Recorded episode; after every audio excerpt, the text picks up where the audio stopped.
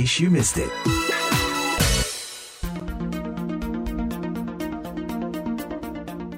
Apa kabar? Kali ini bersama saya Dania Iman dari VOA di Washington DC. In case you missed it, survei terbaru yang dilakukan oleh organisasi nirlaba Kaiser Family Foundation di Amerika Serikat yang menangani berbagai isu kesehatan nasional menunjukkan sekitar 27% menolak untuk menjalani vaksinasi COVID-19 walau dilakukan secara gratis dan dinilai aman. Sebagian besar mengutarakan kemungkinan efek samping dari vaksin ini menjadi faktor kekhawatiran utama selain juga kurangnya tingkat kepercayaan terhadap pemerintah mengenai keamanan dan efikasinya. Mengingat bahwa vaksin ini masih tergolong sangat baru dan kekhawatiran akan politisasi yang timbul selama proses pembuatan vaksin ini juga meningkatkan keraguan masyarakat. Di Indonesia sendiri, hasil survei yang dilakukan oleh Saiful Mujani Research and Consulting belum lama ini menunjukkan hanya sekitar 37% warga yang secara tegas mau divaksinasi COVID-19 jika sudah tersedia, dan 17% warga bahkan mengatakan tidak akan divaksinasi, serta 28%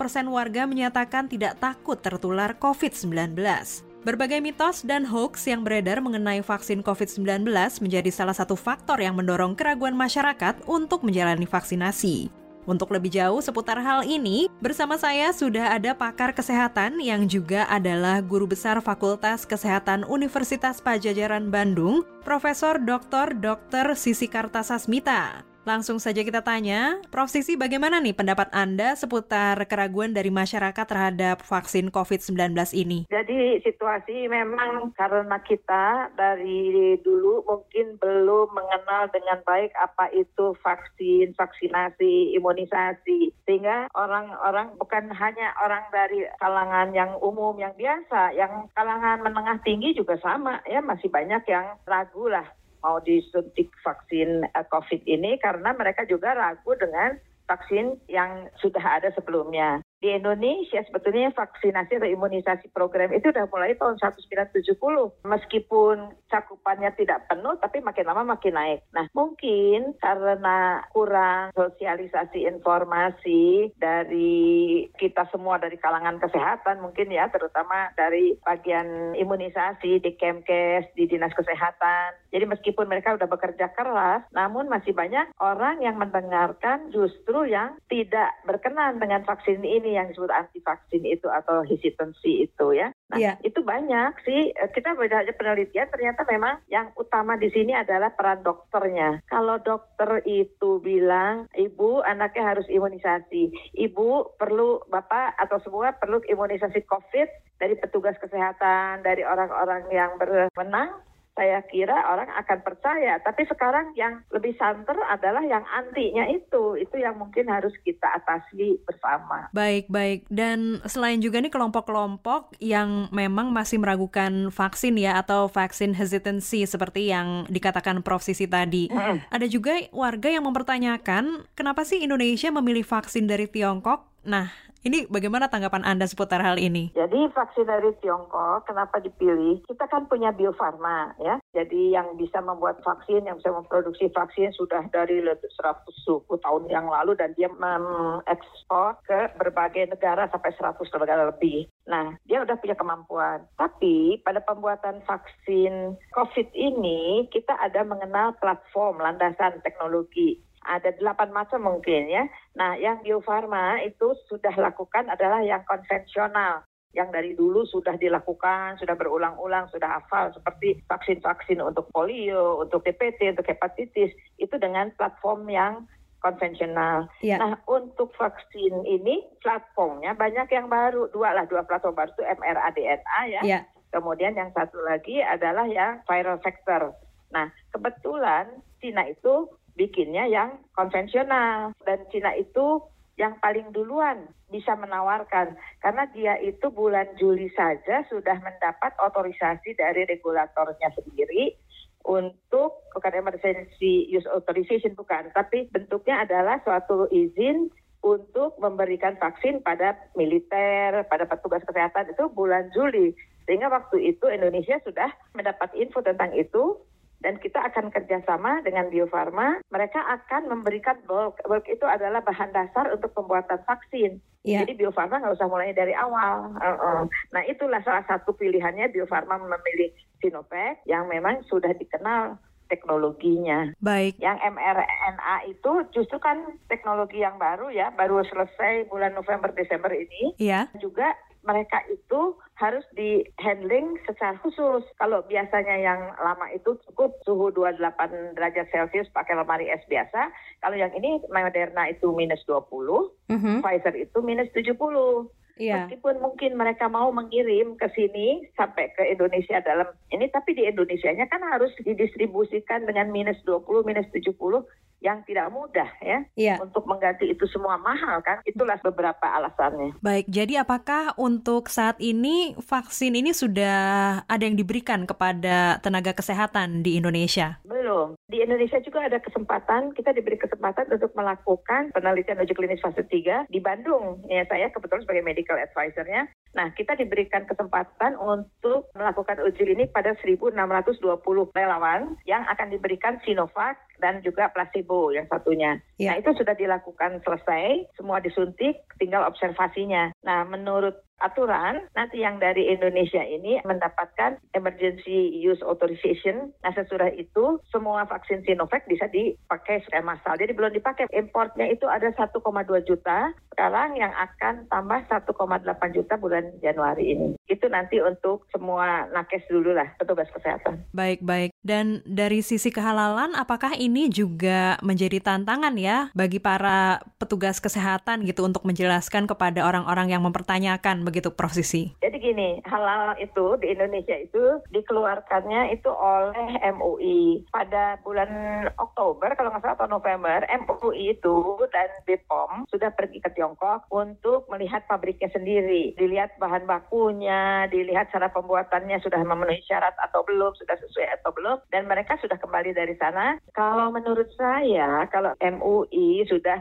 bilang bahwa vaksin ini halal untuk dipakai, BPOM udah menyatakan ini mutunya bagus, aman, khasiatnya bagus, dan kita dapat emergency use authorization, saya kira udah nggak ada lagi alasan untuk menolak. Itu merupakan suatu aturan dari WHO yang harus ditaati bahwa aman, mutunya bagus, dan khasiatnya juga bagus. Jadi udah nggak usah takut lagi MUI udah mengeluarkan kalau MUI bilang udah halal, udah nggak usah ada lagi ketakutan tentang kehalalan ini. Memang kadang-kadang ada juga vaksin yang dikeluarkan oleh MUI-nya Amerika, MUI-nya Eropa, Ivanka. Tapi itu biasanya MUI kita akan mengeluarkan sendiri gitu. Baik, dan berdasarkan pada uji klinik yang dilakukan di Bandung, apakah ada efek samping yang terlihat begitu prosesi atau bisa dikatakan bahwa vaksin ini aman? Ya, jadi eh, vaksin itu ada kan uji praklinik ya untuk keamanannya itu sebelum eh, waktu masih hewan itu dilihat keamanan. Kemudian fase satu keamanannya dilihat. Kalau nggak bagus, nggak akan bisa fase 2. Fase 2 dilihat keamanan. Kalau nggak bagus, nggak bisa fase 3. Kalau udah bagus ke fase 3, nah barulah fase 3 lihat keamanan dan juga efikasinya. Jadi keefektifannya. Apakah yang dikasih vaksin itu tidak tertular dibandingkan dengan yang dikasih placebo ya. Nah itu adalah prinsipnya. Nah pada pemberian-pemberian yang 1620 itu tidak ada yang mempunyai KIPI. KIPI kejadian ikutan pas pasca immunization. Jadi eh, imunisasi itu eh, yang disebut adverse event ya. Jadi kejadian itu. Nah kejadian ikutan pasca imunisasi ada yang ringan, ada yang sedang, yang berat. Nah kebanyakan itu ringan aja. Dalam arti hanya sakit di tempat suntikan, merah sedikit, demam sedikit, seperti flu lah gitu jauh, dan tidak ada yang dilaporkan berat ada waktu itu yang masuk rumah sakit, eh ternyata dia itu sakitnya tifus bukan COVID ya. Iya. Jadi itu selama ini bagus hasilnya aman. Iya, jadi apa nih pesan dari prosesi kepada teman-teman yang mendengarkan yang masih meragukan untuk menjalani vaksinasi COVID-19 ini? Jadi kalau menurut saya, untuk teman-teman memang banyak ya berita-berita hoax yang negatif mengenai vaksinasi, mengenai vaksin ini. Namun pemerintah sudah mengusahakan tidak mudah mengusahakan vaksin pada saat pandemi ini. Kita tidak bisa beli untuk 180 juta orang Indonesia yang usia 1859 dulu ya yang diberikan. Nah, itu nggak mudah. Jadi misalnya dari Sinovac akan dapat ini 3 juta, ditambah lagi nanti bulk yang dibikin sama Bio Farma. Itu nggak akan mencukupi untuk 70% masyarakat Indonesia yang akan disuntik untuk mencapai herd immunity. Ya. Nah, herd immunity dicapai 70-80 persen katanya. Nah, butuh 180 juta. Berarti 360 sampai 400 juta dosis coba bayangin. Itu iya. belinya di mana?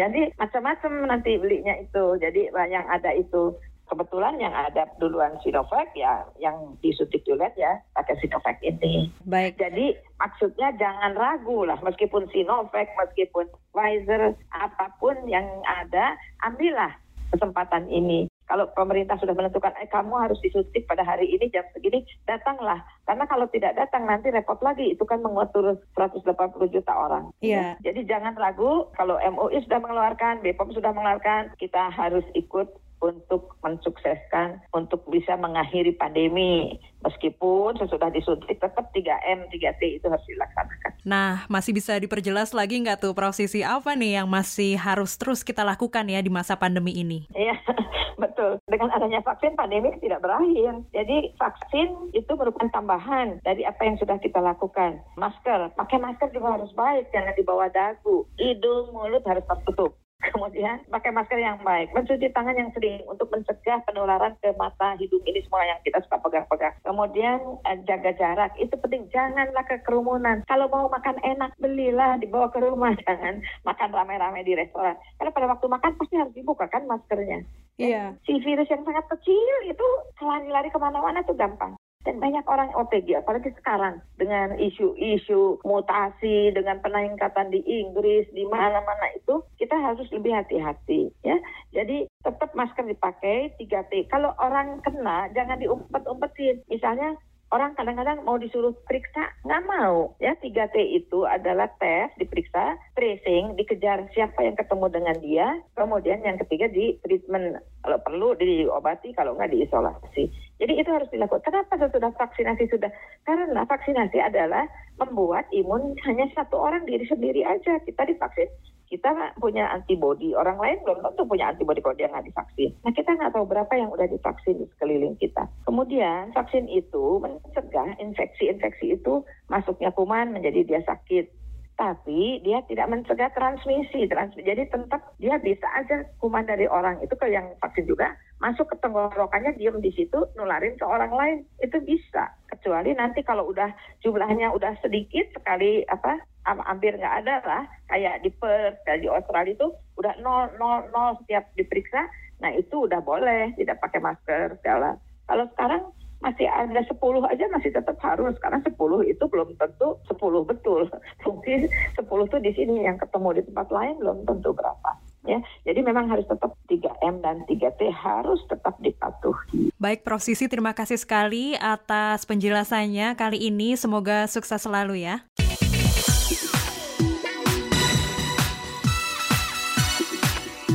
In case you missed it.